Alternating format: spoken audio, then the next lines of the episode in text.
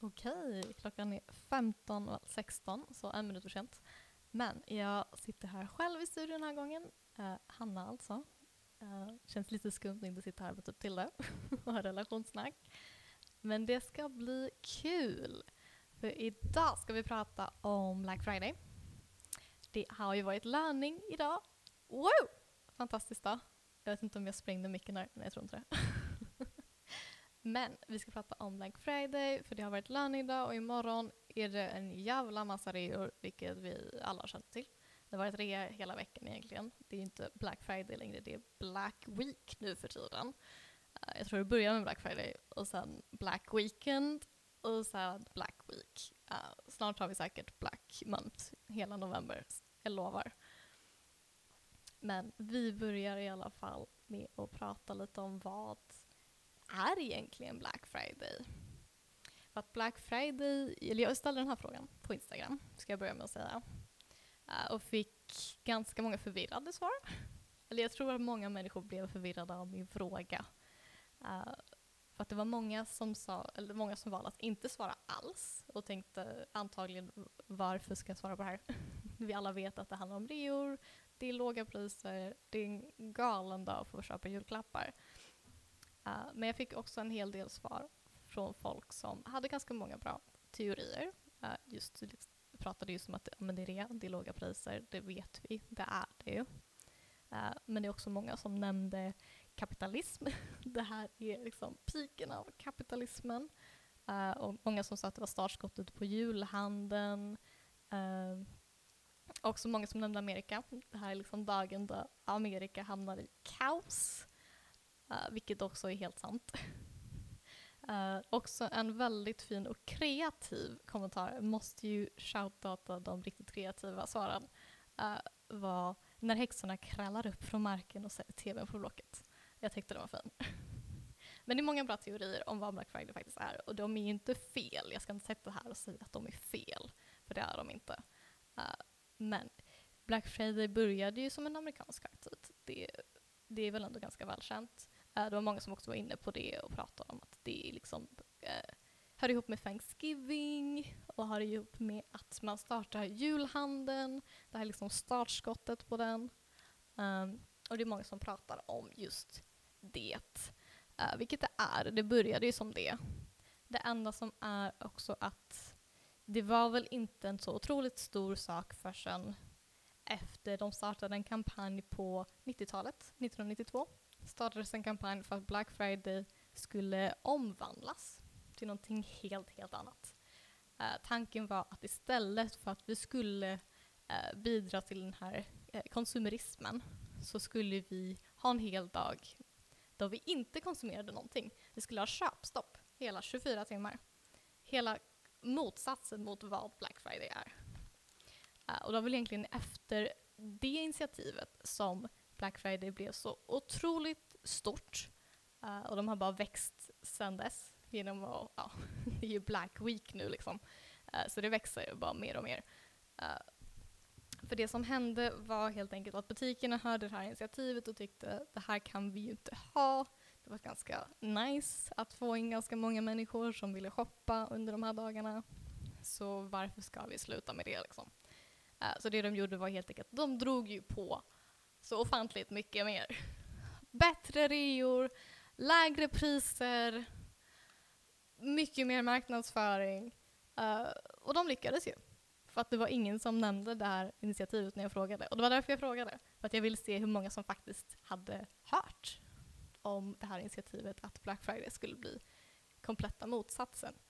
Och vem vet, det här kanske blir, eller jag ska inte säga att jag startade, men det kanske blir liksom om vi får, får, fram det här så kanske vi kan ändra det så att det blir den dagen då vi absolut bara inte köper någonting och skjuter ner alla butiker. Det känns som att många kan vara inne på det spåret från de svaren jag fått. Eh, det var nog många som var liksom död åt kapitalismen, uh, hatar allting sånt. Uh, I alla fall på radions Instagram. Jag, gjorde, jag la ut frågorna på min privata också. Det var inte alls lika uh, hat mot kapitalism faktiskt. Jag tror det kanske har med att det är högskola att göra. Möjligtvis. Men, så det är, liksom, det är därför vi har Black Friday, det är så det kom till. Uh, och vi, kun, vi kan ju inte motstå lockelsen av Black Friday. Uh, för det här initiativet som togs att vi inte skulle köpa dog ju helt och hållet ut. Uh, för det är ingen som kommer ihåg nu för tiden. Så varför kan vi inte motstå lockelsen av en sån här dag? Eller nu en sån här vecka? Jag tror det fortfarande främst idag, även om det är veckan. Um, men svaret är ju helt enkelt, enkelt reklam. Vi kan inte motstå lockelsen på grund av reklam och på grund av hur vi är byggda som människor. Vilket jag kommer in mer på lite senare. Men ja, så jag tänkte att jag skulle börja med att prata om just om reklam och hur reklam påverkar oss och hur just konsumtion sen påverkar oss. Men innan dess så börjar vi med en liten låt. Som jag skulle ha uppe. Den var uppe, men min dator tyckte att den inte skulle vara uppe längre. Jag ser att vi fått en kommentar, jag kan kolla på den så länge.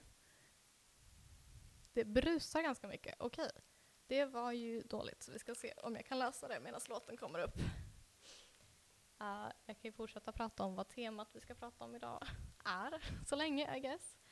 Uh, för vi har ju allt. Så vart är listan någonstans? Hallå? Um, ja, okej. Okay. Här får jag väl klippa ut senare. Men varför brusar det så mycket då? Ska vi kolla om... Hallå? Är det mycket brus fortfarande? Ja, det är det. Hmm. Jag verkar inte kunna lösa bruset just nu. Vi ska se. Vänta, det kanske är gainen. Jag ska ta... Så! Nu är det mindre brus, eller hur? Lite. Lite bättre tror jag. Uh, ja, men vi ska börja med en låt.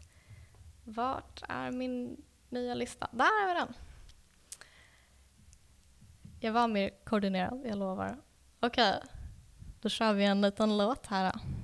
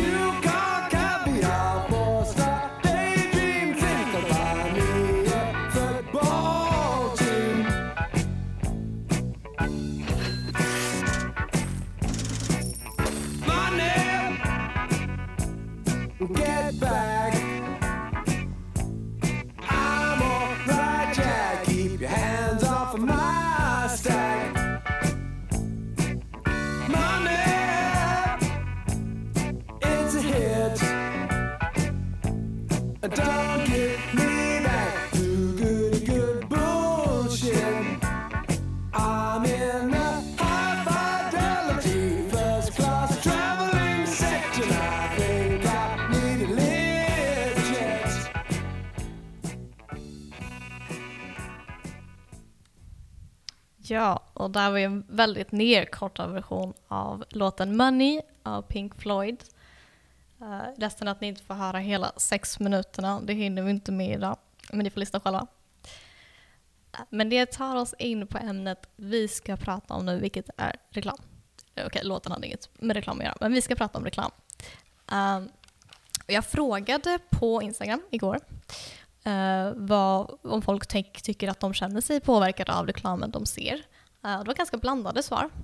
Uh, jag vet att vissa skrev att de kommer ihåg vissa reklamer väldigt väl. De kommer ihåg slogans, jinglar, men att de inte direkt tänker på produkterna så mycket. Att de inte tänker att uh, de kommer köpa en massa produkter för att de kommer ihåg den här reklamen. Och det är många som tycker att nej men jag är inte så påverkad av reklam. och sen var det några som sa att jag absolut är påverkad av reklam också, så det var ganska blandat. Um, men det var några, någon som skrev också att de kan dras med lätt i hypen inför en produktlansering. Uh, vilket jag tyckte var intressant, för det är ju en helt annan slags reklam för om man tänker en ny produkt som ska släppas, det är ju en helt annan marknadsföring. Jag tror det är lättare att bli hypad för någonting nytt som kommer. Än, uh, jag tror reklamer som ja, men gäller för produkter som redan finns, att det är lite uh, svårare att man känner att man är påverkad på samma sätt. Uh, jag fick också en kommentar som jag tyckte var väldigt intressant som jag vill lyfta. Uh, och det är, eh, de sa helt enkelt nej. Jag tycker inte att jag blir påverkad av reklam. för att jag, jag orkar inte kolla på reklamen jag får. Och det här, det här tror jag är anledningen till att många tror att de inte är så påverkade av reklam. Och jag kan känna igen mig i det själv, att jag blir inte heller påverkad av reklam. Jag tycker att nej men jag kommer inte gå in och kolla på den reklamen jag får i min mobil eller på min dator för att jag orkar oftast inte. Jag liksom, det tar tid för mig att köpa något på nätet. Det brukar oftast ta dagar så jag tänker att nej men jag är inte så, så påverkad av det. Uh, och det, jag tror det är många som tänker så, att liksom reklamen kommer inte få oss att aktivt gå ut och söka efter en produkt. Jag tror inte det är jättemånga som gör det faktiskt. Uh, eller att de aktivt klickar eller söker saker som de har sett. Utan jag tror det är vanligare att man... Uh, eller, det, det, men det, är inte, det är inte så reklam faktiskt fungerar. Jag tror vi har bilden av att det är så reklam fungerar. Att den, den ska få oss att aktivt gå efter, ut efter den här produkten. Men det gör ju inte det. Utan det, grejen är, att de mest effektiva reklamerna vi får är reklamer som vi inte minns. Och det är det som är så sjukt, I guess.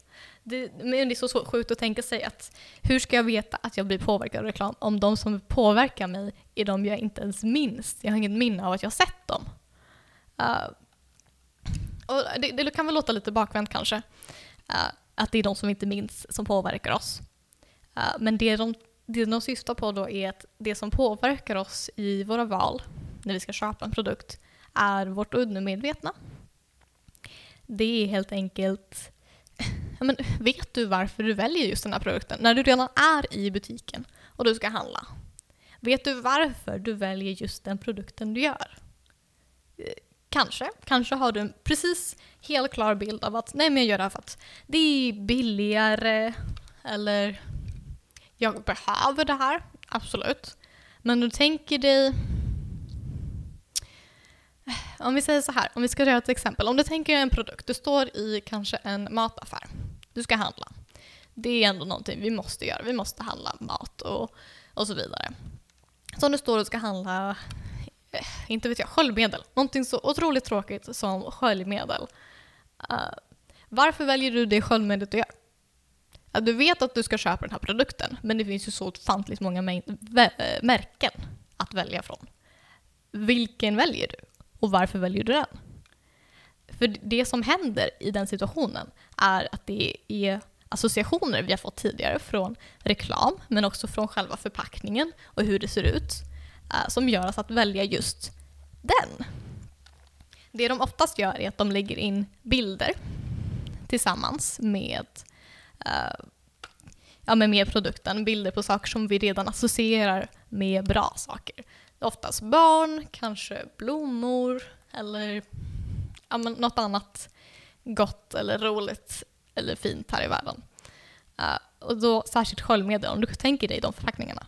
Det är bara, det är jättefärgglatt. Det är oftast blommor på, ibland även en bebis. Det är verkligen liksom, de har liksom checkar alla de här stegen.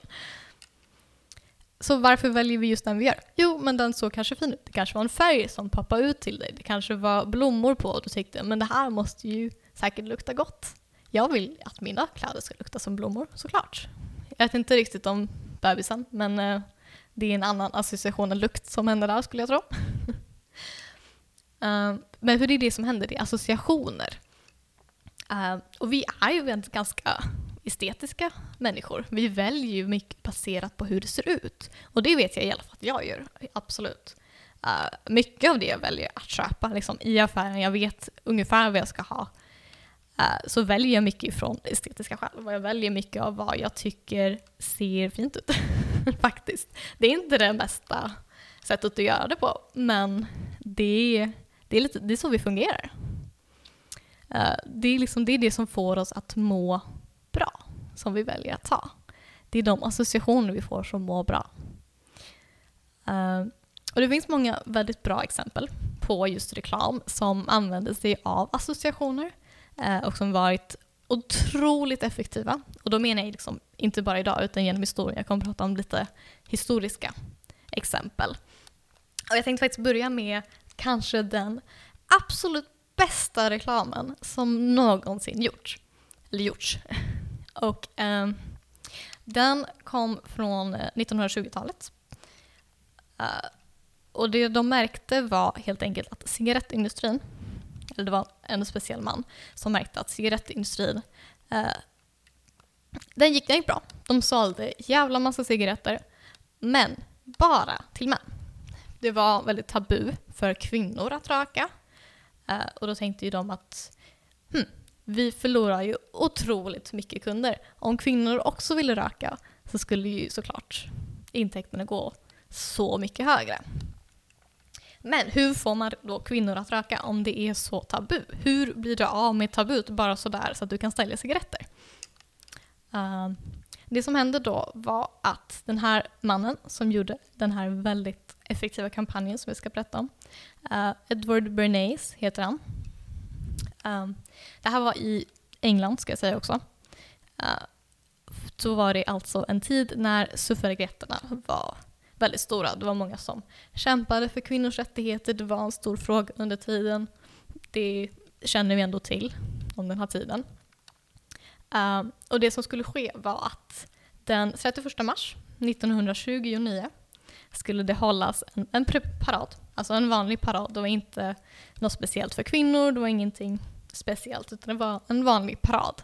Eh, men den här Bernays var så smart att han kom på att varför hyr jag inte in kvinnor under den här paraden som ska eh, framställa sig som att de är liksom för kvinnorörelsen. De, är, de har gjort det här av helt egen frivilliga. Eh, och få dem att ta fram varsin cigarett under paraden och röka. Eh, och då var tanken att folk helt enkelt skulle tro att det var en kvinnorörelse som gjorde det här för kvinnorna. För att han hade nämligen i, innan det här spridit ryktet om att, om att suffragetterna skulle tända så kallade torches of freedom. Uh, utan att specificera exakt vad det skulle vara. Uh, och sen kom de här kvinnorna under paraden och tände varsin cigarett. Och helt plötsligt var cigaretten en symbol för någonting fantastiskt i världen, för en, en förändelse. För att, för att kvinnor skulle få rättigheter. Nu skulle du kunna visa att du stödjer kampen bara genom att köpa cigaretter. Det, det är ju helt genialiskt. Måste erkänna av Edward Bernays att eh, alltså finns det någon bättre association man kan göra? Finns det någonting större man kan göra för att bara, bara helt och hållet förändra hela perspektivet? Um, Edward Bernays är ju faktiskt den, man brukar kalla honom för en i alla fall, av fadrarna av modern reklam. Just på grund av det här initiativet och att han använder sig av associationer på det här sättet. Um, vilket han också fick idén ifrån um, sin morbror, vilket nämligen var Sigmund Freud. Eh, så han hade ju mycket psykologisk bakgrund fortfarande som han hade fått lära sig eh, för att kunna göra det här. Eh, för att kunna spela på vårt undermedvetna, som att det är just det Sigmund Freud tänk, va, forskade i, vårt undermedvetna. En av sakerna i alla fall. men Edward Bernays blev då grundaren, fadern till så kallad PR, reklam vi har idag. För att förr kallade man det för propaganda. Uh, men det hade ju inte så bra klang längre. Så därför valde Edward Bernays att mynta ett nytt begrepp så att man kunde slippa det här fula ordet propaganda. Och nu ska vi köra en till låt. Så stay tuned.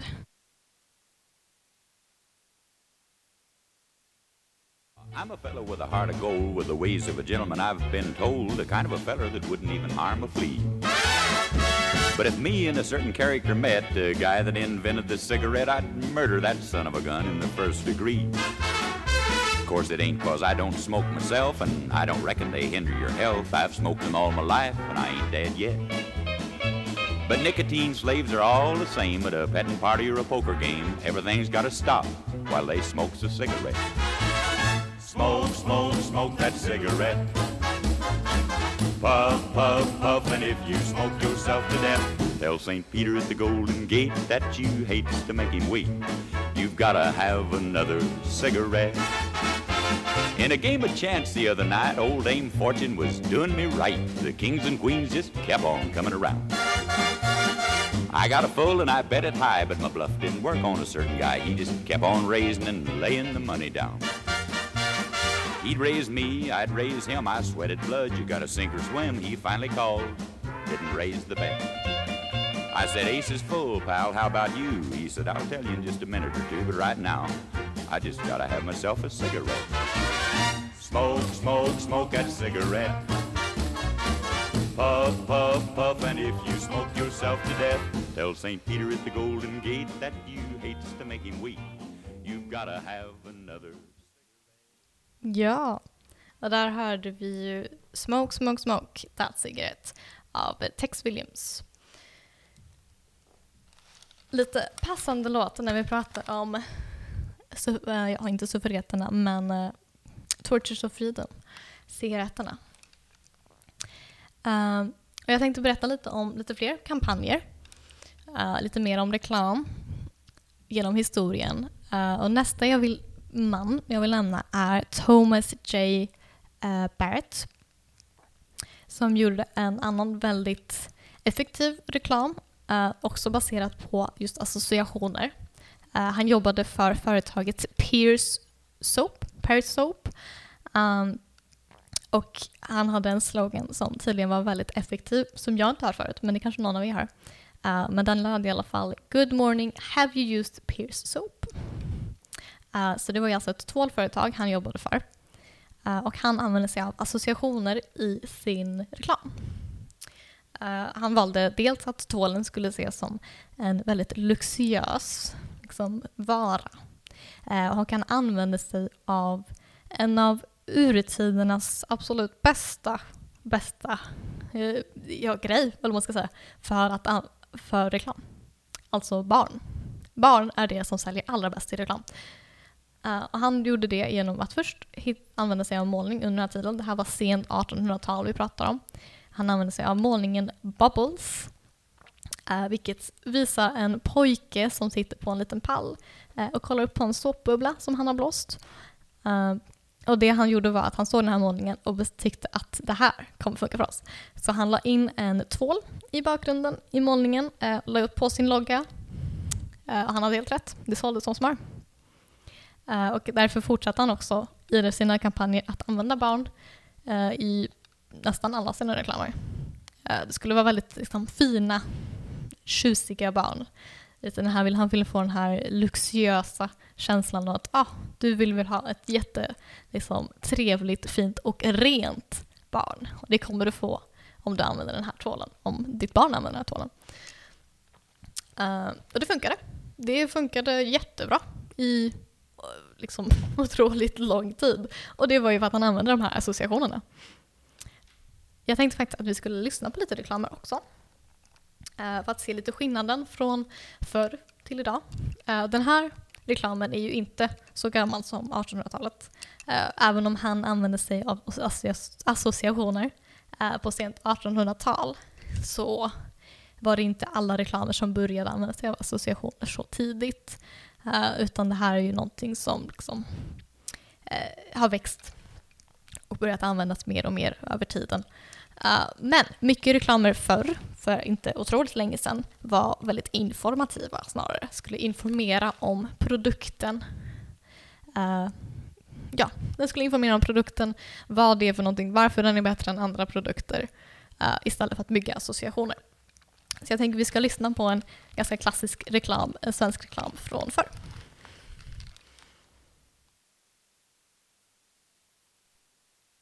Hello ladies. Look at Ja, så var vi klara med desserten och nu är det dags för det som är pricken över i i varje måltid. Kaffet. Eh, förresten får jag fråga, hur många av er är det som inte brygger kaffet?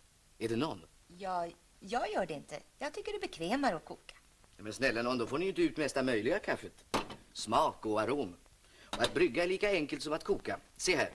Först mäter man upp vattnet. Och medan vattnet skjuter upp, ja här är förresten ingen risk att kaffet kokar över, så gör vi klart för bryggningen.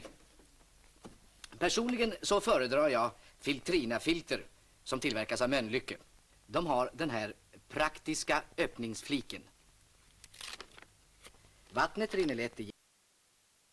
Ja, jag tog väldigt kort bit där. Uh, eh, den är ganska lång. Uh, och de var ganska långa, uh, vissa av dem. men som ni hör, den är väldigt informativ. Mycket, mycket lugnare tempo. Vilket är varför jag inte körde jättemycket av den nu. jag tror att man behöver lite visuella delar av för att kunna verkligen uppskatta den också. Men det var alltså en reklam för Colombia-kaffe och de slänger in lite liksom om filter och att man ska brygga kaffe och massa sånt. Och de har någon slags fokusgrupp. Eller de har, det är inte en riktig fokusgrupp, men de här låtsas som att det är en fokusgrupp som alla säger åh nej men jag, jag, jag har hört om kaffet, det låter väl gott. Du vet, lite, lite den stilen. Uh, men det var väldigt informativt. Um, och vi vet ju det finns faktiskt en studie, jag ska berätta om en studie, som visar på att det här uh, funkar inte väldigt bra, faktiskt, att vara så informativ. Utan det är bara alltså associationerna som fungerar. Uh, det de gjorde var nämligen att de gjorde uh, en studie där de gav pennor, eller de, de visade reklamer på pennor. Eller de gav en penna. Gud, det här var jättedåligt berättat.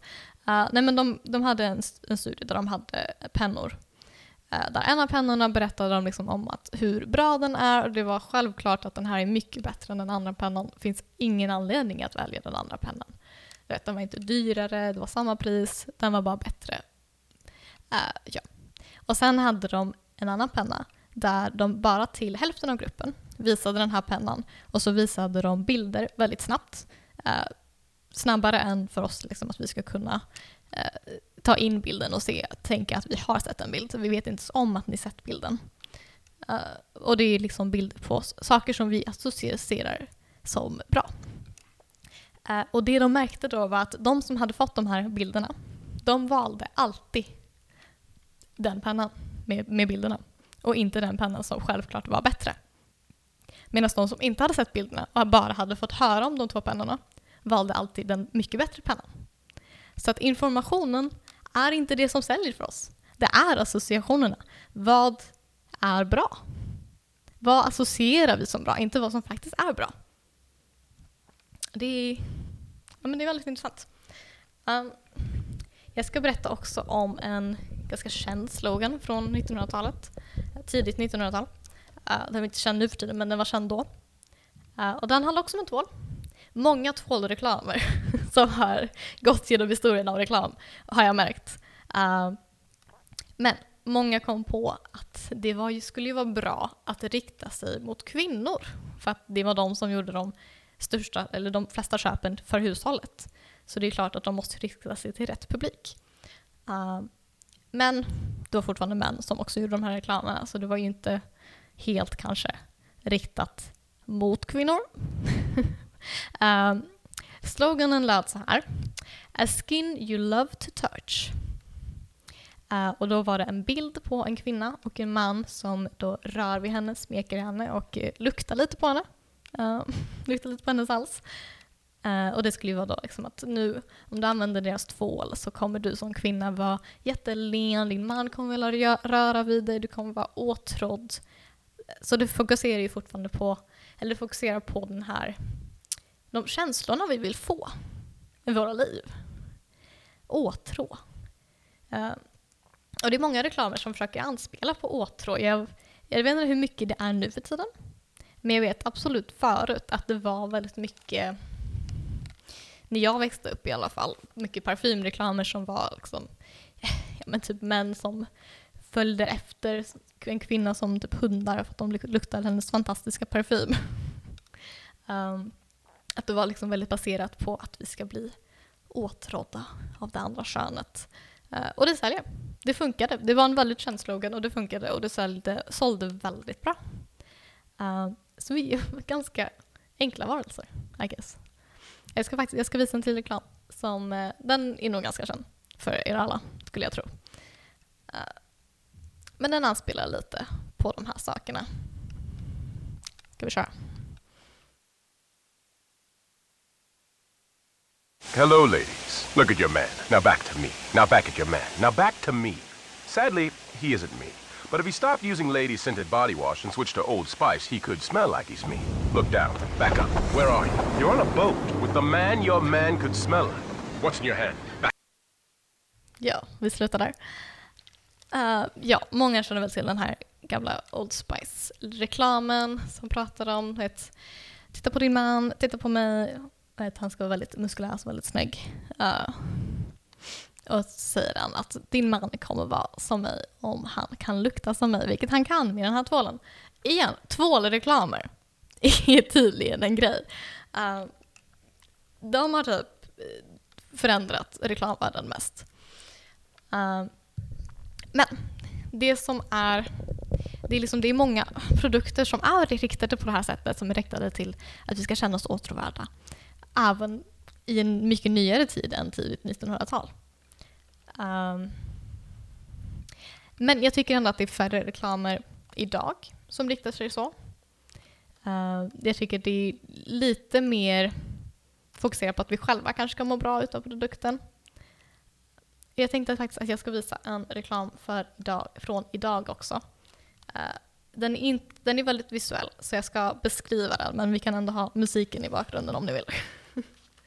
Um, ja, så där spelar den. Men det här är ju alltså en reklam från Dove, också tvål. Uh, men inte heller så fokuserat på själva tvålen. Uh, det här är alltså en reklam av en, en ung tjej som sitter i sitt sovrum. Hon har sminkat sig, fixat sitt hår. Nu sitter hon i en app och liksom förändrar sitt ansikte så att det ska bli uh, finare då inom situationstecken. Uh, ah, och det som händer då är att eh, allting går tillbaks igen tills att hon inte har något smink eller någonting och att hon bara är en liten tjej igen. Och deras budskap då är ju att vi måste stoppa det här tänket. Uh, så väldigt, väldigt annorlunda känsla från hur det började med att göra reklam, med att vi ska känna oss åtråvärda. Nu försöker vi reklamen försöker ta sig bort från det. Eh, så det är väldigt intressant att se en sån, en sån utveckling. Eh, jag tänkte faktiskt att vi skulle köra en liten låt nu igen. Och sen fortsätter vi.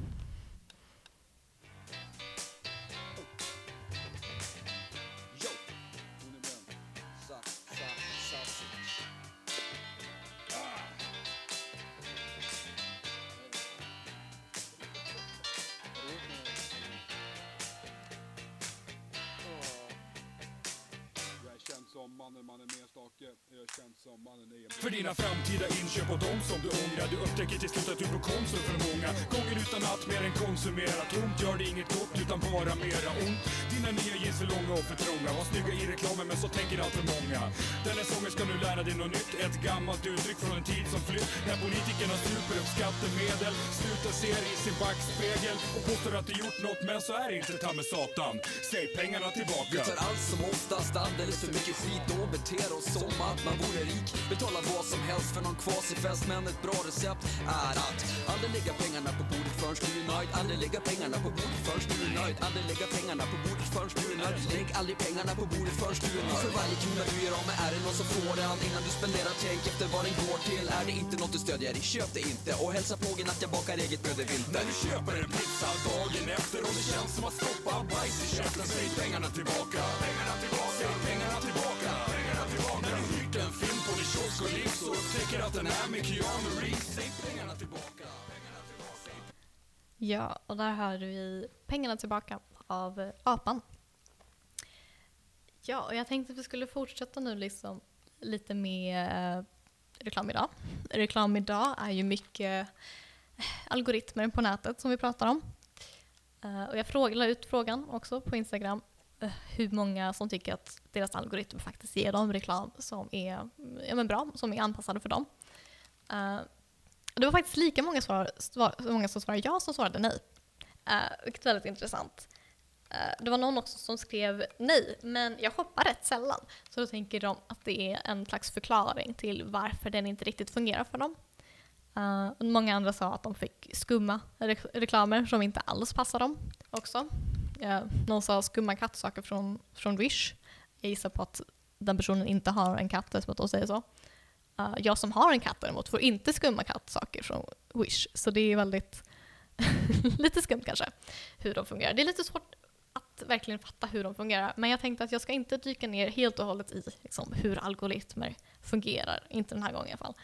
Uh, men jag tänkte prata lite mer om liksom, det digitala fottrycket. För det är ju det de mäter. Ditt digitala fotavtryck. För att se vad du ska få för reklam. Och jag tycker själv också att jag får, jag får jättedålig reklam. Min algoritm känner inte mig alls. Uh, jag känner mer att jag påverkas av kanske YouTube-videos, TikToks som jag ser. Um, mest genom att jag ser kanske någons livsstil som jag ändå vill manifestera på något sätt i mitt eget liv. Jag ser någonting som skulle passa mig väldigt bra. Uh, och då kanske det också finns produkter där som jag är intresserad av. Uh, som jag senare kanske köper när jag är i en situation där jag, kommer, där jag ser en sån här produkt. Um, men algoritmerna verkar inte vara jättebra på att snappa upp det här. Um, men det är ändå hälften som säger att algoritmerna fungerar väldigt bra. Så det är ju fortfarande många som det fungerar för och det är väl kanske folk som är lite mer aktiva och shoppar på nätet. Möjligtvis. Uh, men det som faktiskt verkligen påverkar oss till vad vi ska köpa också är just det här eh, att vi ser andra som har det kanske vad vi tycker som bättre än oss. Avundsjuka. Um, och jag tycker ändå att de, även om algoritmerna inte alltid fungerar, så fungerar reklamerna väldigt bra som vi ser på nätet nu när de eh, blir väldigt duktiga på att dölja reklamen. Produktplacering har ju varit en grej väldigt länge eh, och den är ju inte alltid väldigt diskret eh, i filmer och så. Ehm, men någonting nytt nu också är att de döljer TikTok-videos som ser ut som vanliga videos från en privatperson, men det är reklamer. Och det tror jag det är många som kanske inte ser längre. Jag vet inte. Vissa är väldigt tydliga i reklamer också, ska jag säga. Uh, men det blir mycket vanligare att vi ser reklam i liksom hela tiden av våra liv. Um, men varför vill vi då konsumera i så fall? Liksom, varför har vi ens den här känslan av att vi måste ha saker? Vissa saker måste vi ha för att överleva, absolut. Men vi har ju så mycket, mycket mer i våra hem som vi inte behöver för att överleva. Um, och det svar jag hittade var att våra ob objekt, alltså våra, våra ägodelar, det är en del av vår personlighet. Det är en förlängning av oss. Det är så vi ser på det. Um, men har du någonsin knutit an till ett objekt? Svaret är antagligen ja. Uh, en sak som du äger du känner att uh, jag kommer aldrig kunna göra mig av med den här saken. Jag tror det är många som har den känslan om åtminstone något objekt. Uh, du, känner, du, känner verkligen att det här är en del av mig. Det här objektet är en del av mig. Uh, och det, det finns något som heter the endowment effect. Uh, och det är att när vi väl äger någonting så är det väldigt svårt att göra sig av med det. Uh, det gjordes en studie där eh, alla fick en mugg och så hade de chansen att byta in den här muggen mot föremål av exakt samma värde. De skulle inte förlora någonting på det. Eh, förutom att de skulle förlora en mugg och få någonting annat istället. Ehm, men alla ville ha någonting som var mer värt än den muggen de hade fått. För när de väl har fått det här ägandet så kan de inte göra sig av med den mot någonting annat. Utan då vill du ha mer utav det. För nu är, har objektet större betydelse just för att den är i din ägo. Det gjordes en annan studie också eh, där man fick lägga in föremål i en container där det stod sitt eget namn. Eh, I tron att de faktiskt skulle få behålla de här sakerna. Eh, så de trodde faktiskt att det här, nu kom, när jag lägger ner de här föremålen så kommer jag få ta med mig dem hem. Uh, och så kollade man på vad som händer i vår hjärna när vi gör det här. Uh, och det, det de såg var att en del av vår hjärna som kallas MPC, uh, eh, Medial Prefrontal Cortex, kommer inte gå in på exakt vad det är för någonting. Men samma delar som aktiveras av den aktiveras när vi pratar om adjektiv som beskriver oss själva. När vi pratar om oss själva så aktiveras samma del som när vi kollar på de objekt vi äger. Det är en direkt koppling till vilka vi är, våra objekt. Det blir en del av oss. En annan sak är också att vi det blir att det ligger avundsjuka i det här. Avundsjuka är också en stor del till eh, varför vi Eh, vill, inte bara vill ha objekt, men var, varför vi vill ha vissa specifika objekt. För att det vi känner oftast är att vi vill ha det vad folk har runt oss. Du vet, vi kollar på vår granne, vår vän, eh, någon, till och med främling vi ser på nätet som har någonting som vi vill ha, en livsstil som vi vill ha kanske. Uh, och då tycker jag att vi, vi kan manifestera det här med de produkterna som de har. Uh, och jag kollade lite på just avundsjuka när det gäller objekt och saker. Uh, och det syns redan väldigt, väldigt tidigt i barn. Just den här avundsjukan över andras objekt. Uh, så Jean Piaget, eller Piaget, jag menar, uh, eh, väldigt känd barn, barnpsykolog i alla fall. Inte alltid jätteetiska uh, studier kanske på barn, men han gjorde mycket studier på barn och han är anledningen till att vi vet väldigt mycket om hur barn fungerar. Eh, men han gjorde en, en där han observerade just avundsjukan i barn. Och då såg han att barn i, som var 22 månader gamla, då, det, han kollade på alla deras konflikter de hade med varandra. Och en fjärdedel av alla konflikter de hade var relaterade till just objekt. Uh, antingen att de ville behålla sitt eget objekt, sin egen sak, sin egen ägondel. De ville inte dela det med någon annan. Uh, eller om de ville ta någon annans objekt. Att de tyckte att den här personen har ett bättre objekt än mig så försöker de ta det för sig själv i sin egen ägo. Eh, och det var de flesta konflikterna som uppstod. Um, och det jag hittade var att objekt, hur mycket objekt vi vill ha beror väldigt mycket på hur säkra i oss själva vi känner oss. Uh, ju mer individualistiska vi är, desto säkrare i oss själva är vi. Uh, och ju mer osäkra vi är på oss själva, desto fler föremål behöver vi för att vi ska kunna känna oss säkra i oss själva. För de här föremålen är en del av oss. Det är en vad ska man säga, det är en, liksom en förlängning av oss, att för oss att visa våra intressen, för att visa vilka vi är genom de objekt vi har runt oss. Uh, och därför är man mer osäker i sig själv. Så vill man tydligen ha fler objekt. Uh, så i det här fallet, antagligen typ det enda fallet då det är bra att vara individualistisk. Uh, och då ska jag säga det, jag har sagt det här många gånger förr, men Sverige är det mest individualistiska landet i världen. Uh, och enligt den här teorin borde vi alltså äga minst saker. Men det tror jag inte stämmer. Uh, ja, jag tänkte köra en till, en till låt. Vi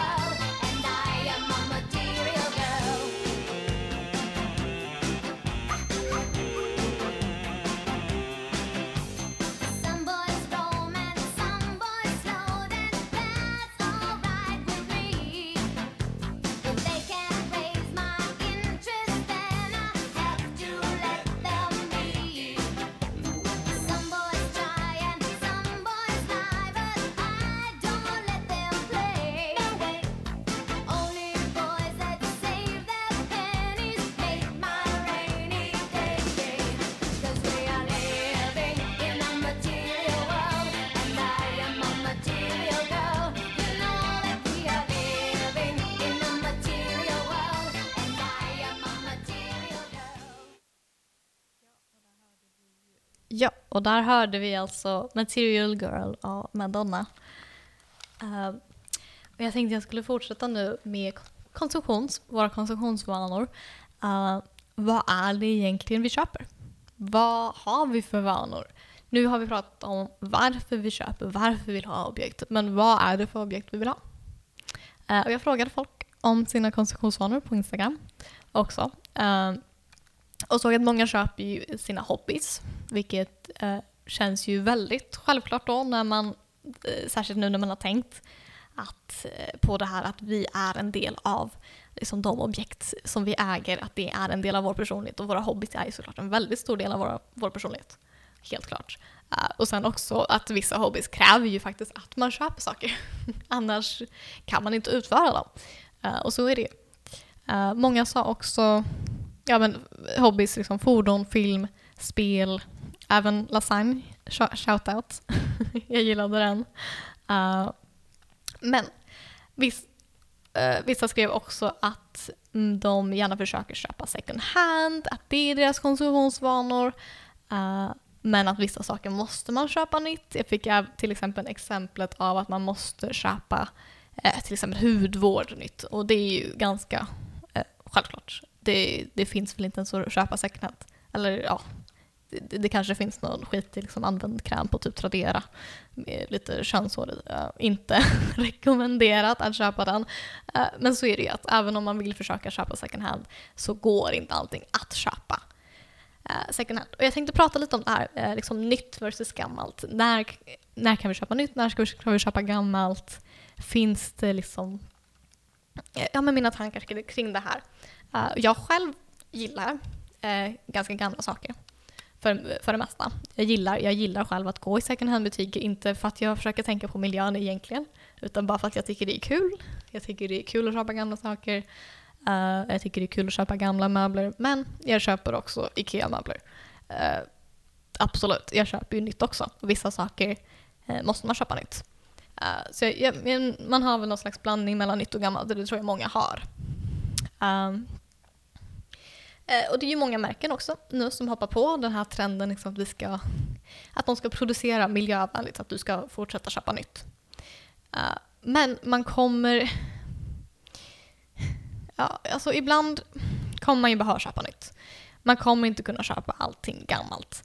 Eh, men det jag känner blir risken med att det blir, det blir så acceptabelt att köpa nytt när uh, de här märkena hoppar på den här trenden att göra det så otroligt miljövänligt att producera. Uh, men grejen är, det kommer alltid kosta oss någonting att producera nytt.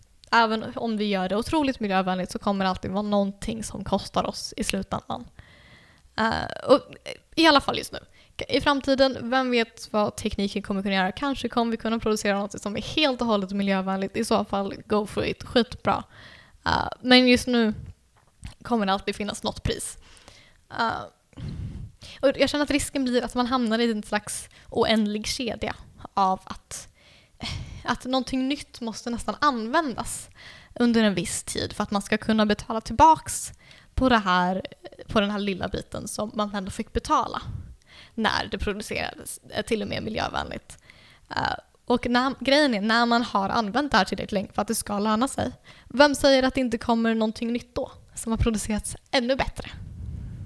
Att det blir den här kedjan av att jag köper nytt, jag ska hålla i det här och använda det här länge, men när jag väl har samlat ihop det så kommer något nytt igen, och så kommer något nytt igen, och så kommer något nytt igen. Och så fortsätter det så tills förhoppningsvis att vi kanske har för sig hittat ett helt miljövänligt alternativ så att vi kan fortsätta köpa nytt hela tiden. Um, men tills dess, hur gör vi då? Kommer vi kunna hitta ett helt miljövänligt alternativ? Kommer det bli liksom ett oändligt flöde av att vi tjänar in den här produkten och så kommer det vara nytt och nytt och nytt tills vi bara inte når målet? Jag menar, vem vet om vi ens kommer dit. Ja, så jag, jag, tror jag lämnar er faktiskt med den frågan. Ska vi köpa nytt? När ska vi köpa gammalt? När ska vi köpa nytt och när ska vi köpa gammalt? Jag tror ändå vi måste köpa båda. Och då kommer jag avsluta er med låten uh, I can't get no satisfaction of the Rolling Stones.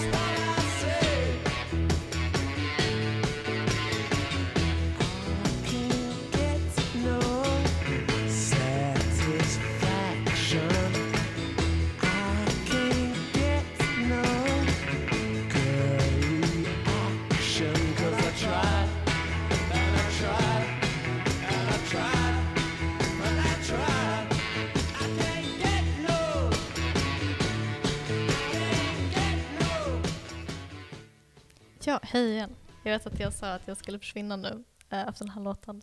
Men jag ville bara tillägga att jag kommer lägga ut några av de här reklambilderna på Instagram, så kolla på det. Så säger vi så. Hej då! Next week.